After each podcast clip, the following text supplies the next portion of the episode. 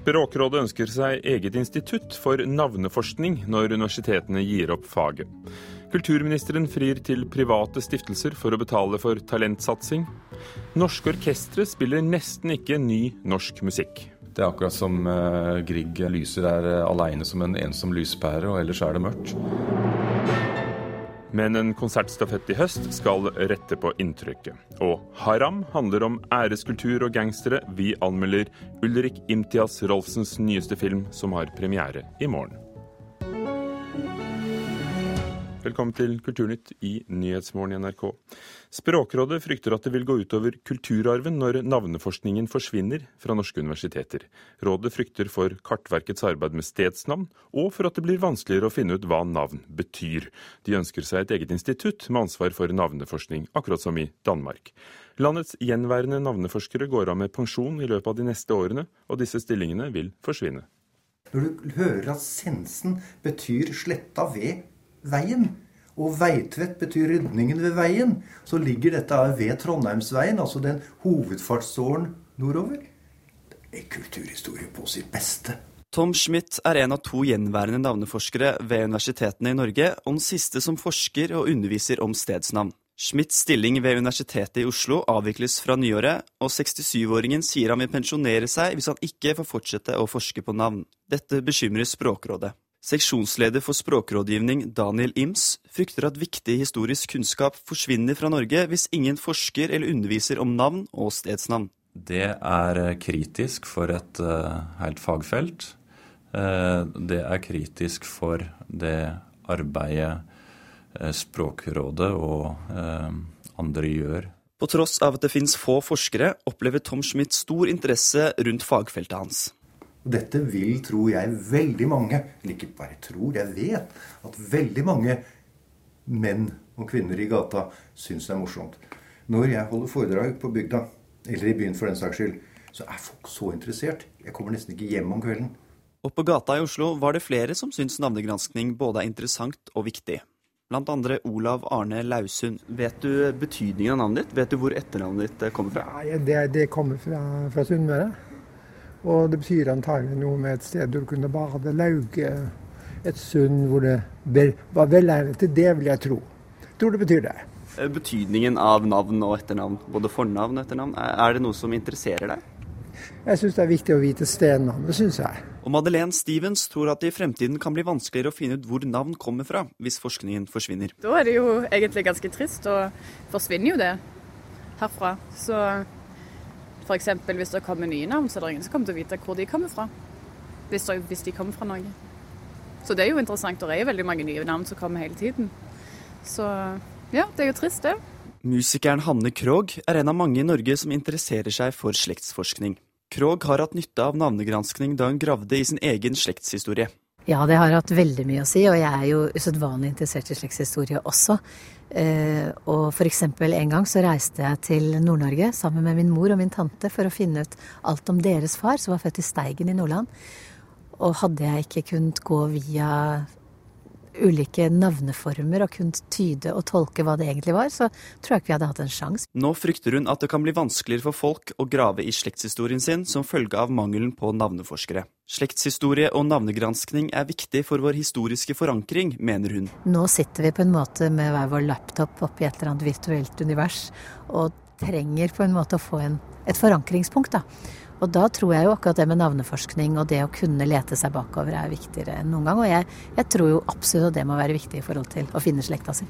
Tidligere i år sendte Språkrådet et forslag til Kulturdepartementet om å opprette et nytt forsknings- og dokumentasjonssenter med fire vitenskapelige stillinger tilknyttet navnegranskning. I en e-post til NRK sier statssekretær i Kulturdepartementet Bjørgulv Vinje Borgundvåg at han ikke vil kommentere Språkrådets forslag.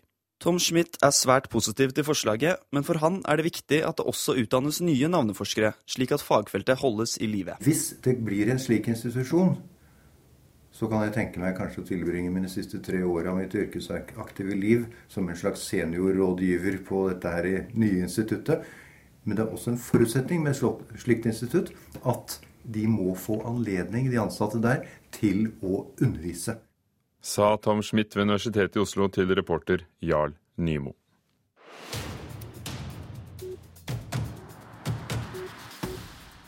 Kulturrådet vil ta kontroll over 228 millioner kroner som Stortinget gir til forskjellige kulturformål hvert år. Det skriver Klassekampen i dag. Vi ønsker å bli bedre til å utføre prioriteringsjobben vi er satt til å gjøre, sier Kulturrådets leder Yngve Slettholm til avisen. Onsdag neste uke blir det klart om Kulturrådet får gjennomslag for forslaget sitt når statsbudsjettet legges frem. Den norske nettsiden Bussit har brukt bilder fra Instagram-profilene til privatpersoner uten å spørre om tillatelse. Det skriver Aftenposten. I artikkelen 'Disse foreldrene er mer slitne enn deg', helt sikkert, har nettsiden brukt bilder av 16 småbarnsforeldre og barna deres uten å spørre om lov. Artikkelen ble fjernet tirsdag, og sjefredaktøren for Bussit, Anders Oppdal, ber småbarnsforeldrene om unnskyldning. NRKs seerandeler falt for tiende måned på rad i september, skriver Dagens Næringsliv. 33% av TV-titterne så på NRK i september, et fall på 2,5% fra august. Både TV 2 og TV Norge opplevde en økning. TV 2 samlet nesten 30% av seerne, mens TV Norges kanaler for første gang samlet over 20 Kulturminister Toril Vidvei er på frierferd for å få private stiftelser med på å finansiere det hun har kalt en olympiatapp for kunst- og kulturtalenter. Mange er positive til å bidra i jakten på nye norske talenter, sier Bjørn Olav Øyulfstad i Stiftelsesforeningen. Stiftelsenes rolle er jo å fylle noen hull hvor verken det offentlige eller det helt private kan bidra. Leif Ove Ansnes, en norsk verdenskjent musiker. Sånne vil kulturministeren ha flere av, og foreslår å opprette et eget talentutviklingsorgan inspirert av Olympiatoppen. Det eh, konseptet det mener jeg at eh, det er på høy tid å også dra nytte av. Og for å få til det her trenger Vidvei penger, og allerede før statsbudsjettet presenteres neste uke, inviterer hun nå private stiftelser til å være med på en delfinansiering av sitt talentprosjekt. Bjørn Olav Øyulfstad i Stiftelsesforeningen er positiv og tror store deler av de milliardene som norske stiftelser forvalter, kan rulle kulturtalentenes vei det neste året. I utgangspunktet så er vel egentlig talentutvikling en privat sak. Altså Tradisjonelt så har vel ingen forfattere eller malere fått støtte av staten sånn i utgangspunktet for å bli flinke. Så vi snakker vel om ungdom her. og eh, i dagens eh, verden så trengs det finansiering fordi det er mye mer kostbart å utvikle seg. Samfunnsforsker Kåre Lorentzen mener regjeringas pengefrieri til private stiftelser er unik, og tror Kulturdepartementet med dette sier fra seg en del av styringa over talentprosjektet. Det er jo interessant at kulturministeren uh, inviterer til en sånn type samvirke. Så vidt meg bekjent har det ikke vært noe særlig av det uh, tidligere. Spørsmålet er jo hvilke stiftelser som er interessert i å, gå om bord i noe sånt og på hvilke betingelser. Kåre Rommetveit, som er direktør i bl.a. Christian Gerhard Jepsen-stiftelsen, er en av dem som synes en kulturell olympiatopp høres spennende ut, hvis stiftelsen sjøl får lov til å bestemme hva pengene går til, og prosjektenes varighet. Mer prinsipielt fra en stiftelses side, så er det jo slik at en som oftest iallfall går inn med en tidsbegrenset varighet.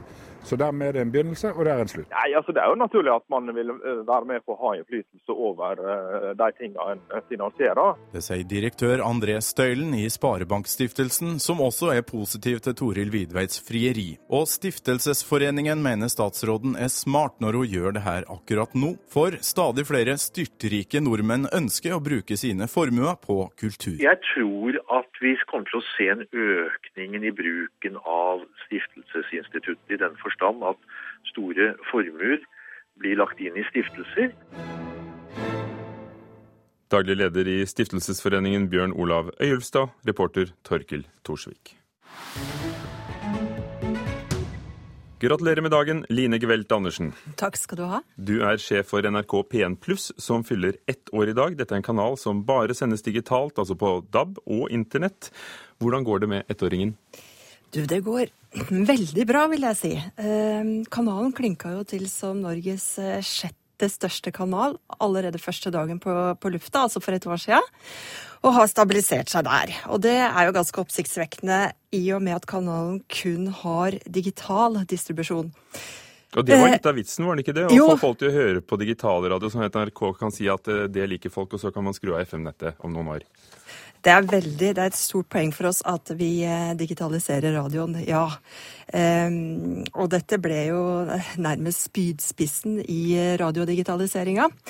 Um, det syns vi er kjempehyggelig. Det vi ser er også at vi får stadig eh, flere lojale lyttere. Uh, det vil si at de hører stadig lengre på, kanalen av gangen. Uh, så det er ikke tvil om at veldig mange har funnet sin kanal. Hvor mange er det som lytter? Du, vi har Ja, det har stabilisert seg på rundt 180 000 lyttere. Mm. Daglig, da. Hva var tanken bak den egne kanalen, laget for lyttere over 55 år? Ja, det er jo egentlig det som er nettopp det som ligger i radiodigitaliseringa. At vi nå får et større mangfold. Vi har mulighet til å lage flere kanaler. Vi klarer å skreddersy tilbudet til, til flere målgrupper. Eh, og når det gjelder de eldste og mest lojale radiolytterne i utgangspunktet, så visste vi jo at eh, veldig mange etter hvert følte seg litt eh, fremmede på det som hadde vært deres kanal, nemlig P1. Syns kanskje at musikken begynte å, å bli litt for ungdommelig, og ja, følte, følte at de hadde liksom ikke hørte helt hjemme der ennå lenger. For de som ikke har hørt, hva er det dere sender? Hva tilbyr du? Vi eh, tilbyr eh, mye musikk. veldig mye. Vi har stort fokus på 60-tallsmusikk. Eh, veldig mye norsk musikk. Og egentlig også ganske mye musikk som på langt nær ikke blir spilt i andre kanaler. Svensk visesang, for eksempel. Så det gjør vi. Og så har vi direktesendinger på morgen, på formiddagen. Vi har Jacobsen fra ni til elleve med Hans Petter Jacobsen. Det er kjempepopulært. Og så går det slag i slag egentlig med direktesendinger. Og eh, i helgene sender vi veldig mye av eh, det som, for de som kjenner gamle Gullkanalen, som egentlig er den kanalen som eh, P1 Pluss ble bygd på, og som var grunnlaget, så er det mye av liksom, gull, gullet i arkivet som blir sendt i helgene. Jeg tenkte å spørre om det, fordi det var jo en kanal som het NRK Gull, men, men da ligger det der. Hvordan har det vært å bygge opp en kanal som på sett og vis da er i konkurranse med, med seg selv, fordi mange av lytterne nettopp kommer fra P1 og P2? Ja, mange, ja, men det er ikke helt uh, riktig det heller. fordi det som er bra, da, det er jo at det har vært en økning totalt i radiolyttinga etter at uh, PM Pluss uh, ble lansert. Så det betyr jo at veldig mange av de som nå bruker P1 pluss, egentlig ikke har vært eh, så aktive P1 og P2-lyttere. Og i hvert fall ikke på det tidspunktet kanalen blir lansert. Men det er klart, noen, noen er det. Og for oss, veldig mange av oss som jobber med P1 pluss, jobber jo også for P1. Så det var jo en litt ny situasjon. Men det har gått veldig bra. Det er jo artig at NRK da satset på de som har vokst fra P1, og, og, og så også etterpå med NRK P13 på de som vokste fra P3. P3. Er det sånn at det ikke lenger bare er fokus på å nå de yngste? Ja, det er jo nettopp det som vi gjør. Eh, vi, vi, vi, klarer, å, vi klarer, å, nå eh, ved, Med digitaliseringa så klarer vi å lage flere kanaler. Vi klarer å liksom spisse det litt mer og treffe målgruppene litt litt bedre. Fordi vi har Vi er ikke begrensa av FM-båndet eh, lenger. Det, så det gjør jo at flere får eh, et mer spissa tilbud. Takk skal du ha, Line Gevelt Andersen på ettårsdagen for eh, P1 pluss. Klokken er 17 minutter over åtte. Du hører på Nyhetsmorgen i NRK P2 og Alltid nyheter. IOC må skjerpe seg dersom OL skal overleve. De burde dempet kravene for lengst, mener flere eksperter. Skoler og sykehjem kan bli taperne når skatteinntektene svikter i mange kommuner. Én mastergrad er ikke nok for alle, nå tar flere studenter to. Og Gaute Heivolds suksessroman 'Før jeg brenner ned' blir teater i Nordland. Det siste hører vi mer om senere her i Kulturnytt. Men først om musikk. Norske symfoniorkestre spiller veldig lite ny norsk musikk, dvs. Si musikk som er nyere enn 50 år. I høst skal orkestrene rette på inntrykket og går sammen for å feire den norske musikken. Anledningen er grunnlovsjubileet, selvfølgelig. I løpet av to måneder skal det spilles 30 verk av 19 norske komponister, både gamle og nye. Da du gjør mot meg nå, er lukta at jeg skal gå ifra deg. Her. Og dermed også gå ifra ungene mine og mamma, vennene mine. Komponist Nils Henrik Asheim syns det er stas at Stavanger symfoniorkester har valgt hans verk 'Grader av hvitt' fra 2007 som sitt bidrag til feiringen av norsk musikk denne høsten. Et monodrama om en kvinne som forlater sin mann i isødet på Grønland. Vet at jeg ble sint. At jeg slo etter ham uten å treffe. Skuespiller Lena Kristin Ellingsen skal framføre monologen som Johan Harstad har skrevet til Asheims musikk, og med film rullende på et stort lerret i bakgrunnen. Jeg tror at uh, det, å, det, å, komme til en konsert som på en måte er en forestilling, da, like mye som en konsert, det er bra for publikum. Kveldens konsert i Stavanger er den første i stafetten Ja, vi elsker, der åtte norske orkestre i løpet av to måneder skal spille 30 verk av 19 norske komponister. For det spilles for lite norsk musikk, og i særdeleshet lite ny norsk musikk, mener Asheim. Det virker som eh, programmeringen ofte er bundet av hva utenlandske solister og dirigenter har på repertoaret og ønsker å gjøre. Så det blir fort litt for mainstream. Det er akkurat som uh, Grieg lyser der uh, aleine som en ensom lyspære, og ellers er det mørkt. Og tallenes tale er klar. I 2013 spilte de sju orkestrene i oversikten til Norsk teater- og orkesterforening til sammen 1915 verk med kunstmusikk. Av disse var bare 175 samtidsmusikk fra de siste 50 år. Og av disse igjen var bare 74 norske. Det er en kjent sak at uh, dessverre er en utfordring å få publikum til å engasjere seg uh, til en del av samtidsmusikken. Sier direktør i Stavanger symfoniorkester, Trude Marit Risnes. Hun har publikum i tankene.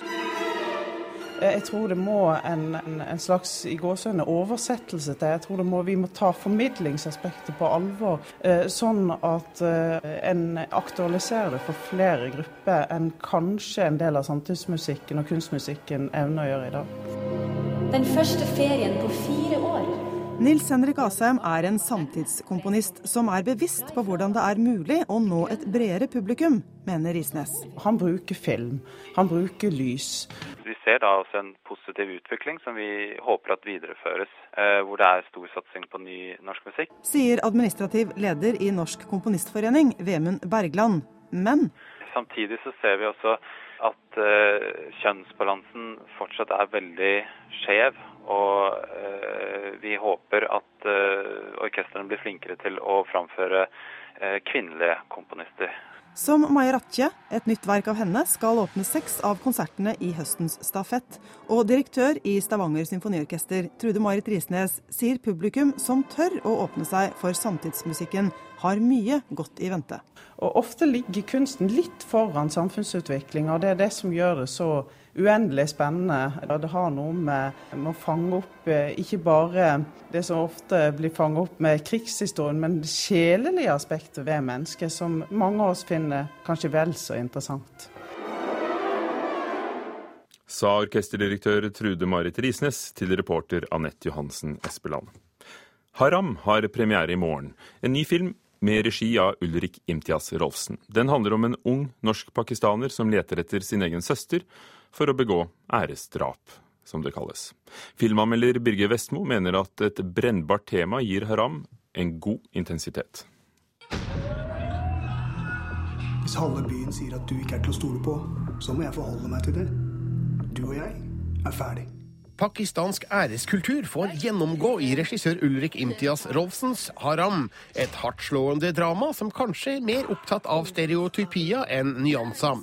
Historien inneholder noen små logiske brister og noen litt tynne figurer, men Rolfsens knallharde fokus på et brennbart tema gir filmen en god intensitet. Den er òg flott fotografert, effektivt klippa og tøft lydlagt.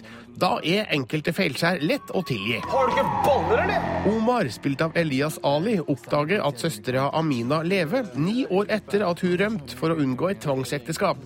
Faren og onkelen krever at Omar og fetteren Kuram, spilt av Sohail Anwar, finner Amina og dreper hun for å gjenopprette familiens ære. Samtidig går Omars rykte på en smell i Oslos kriminelle underverden. Du har ikke kontroll på folka dine? Ikke kontroll? Faen, jeg har fiksa det. Det her er altså en videreføring av universet som Ulrik Imtias Rolfsen åpna opp for oss i ISAT i 2005. Det handler om familie, ære, kriminalitet og en enorm dose dobbeltmoral. Elias Ali spiller godt i en hovedrolle som er vanskelig å like. Omar går ikke av veien for å bruke vold og trusler for å oppnå sine mål, og er tilsynelatende blind for uhyrligheten i sin families æresbegrep. Det er en utfordring å følge en hovedfigur man lenge ikke har sympati for. Hei, det er fra politiet. Hva er greia nå? Jeg ser ikke noen grunn til at de bare skal stoppe oss. Hvorfor stoppet de oss? Hvorfor gjorde de det? Omars blonde kjæreste Silje, spilt av Katarina Gjesdal Lindstrøm, representerer tilsynelatende den etnisk norske naivismen som godtroende ser ut til å godta Omars stusselige forklaringer på sin egen livsstil. Norske jenter og nordmenn ellers omtales i svært lite flatterende ordelag i miljøet som filmen skildrer. Rasismen florerer i denne historien, og man kan spørre seg om Rolfsen er ute etter å advare eller provosere. Skal vi brenne huset for? Bli ferdig med hele leken. Man er drittlei av oss. Det fins elementer i filmen som irriterer meg, som at Omar og Kuram kjører en fremmed bil til Trondheim for å ikke etterlate seg elektroniske spor, men bruker likevel mobilen flittig. Jeg sliter òg med hvordan det på et tidspunkt bryter ut en nesten vilkårlig gangsterkrig, samt hvordan spenninga avbrytes med et merkelig besøk hos verdens verste baker. Men Haram har en gjennomgående nerve som holder på interessen min, og skildrer et spennende miljø med personligheter som det både gjør godt og vondt å se på film.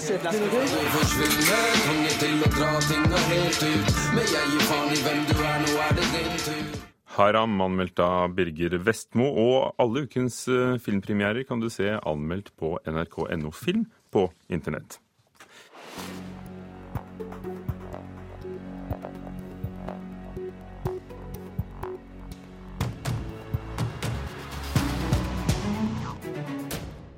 En pyroman som brenner ned hus er tema for Figurteatret i Nordland i Stamsund sin nye forestilling.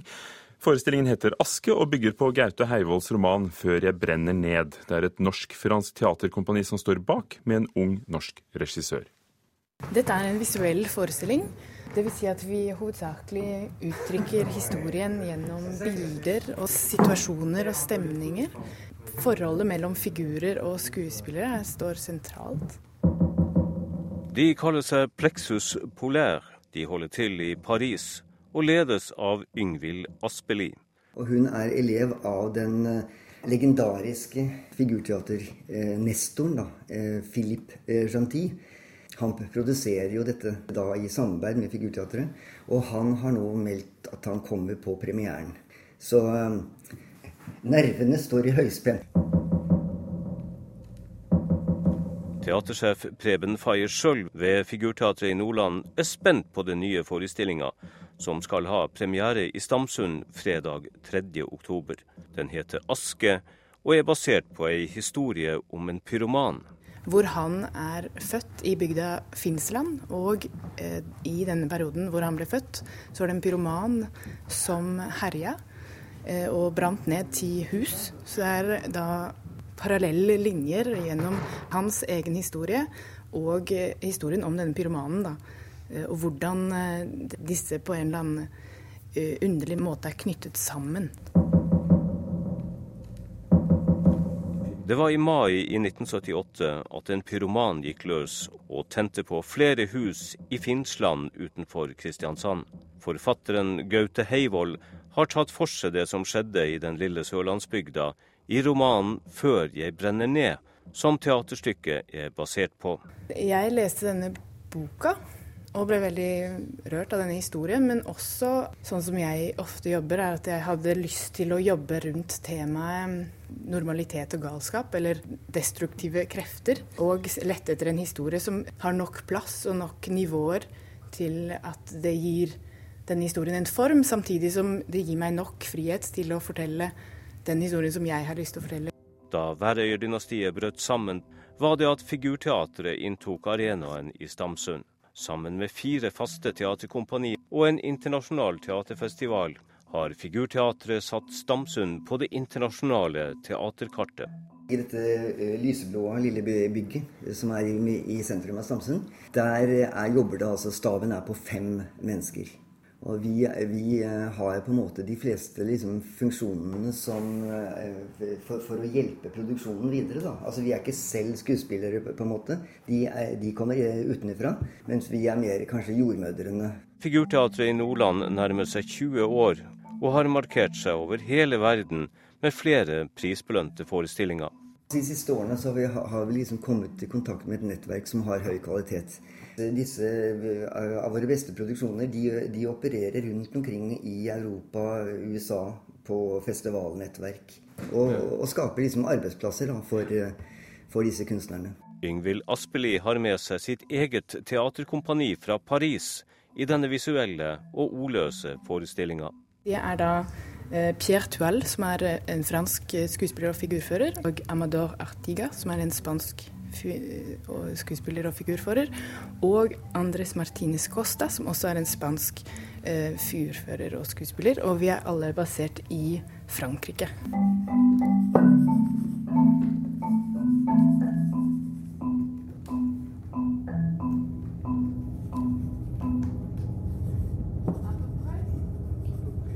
Og til slutt hørte vi figurteaterkunstner Yngvild Aspeli, som er klar med produksjonen av Aske ved Figurteatret i Nordland.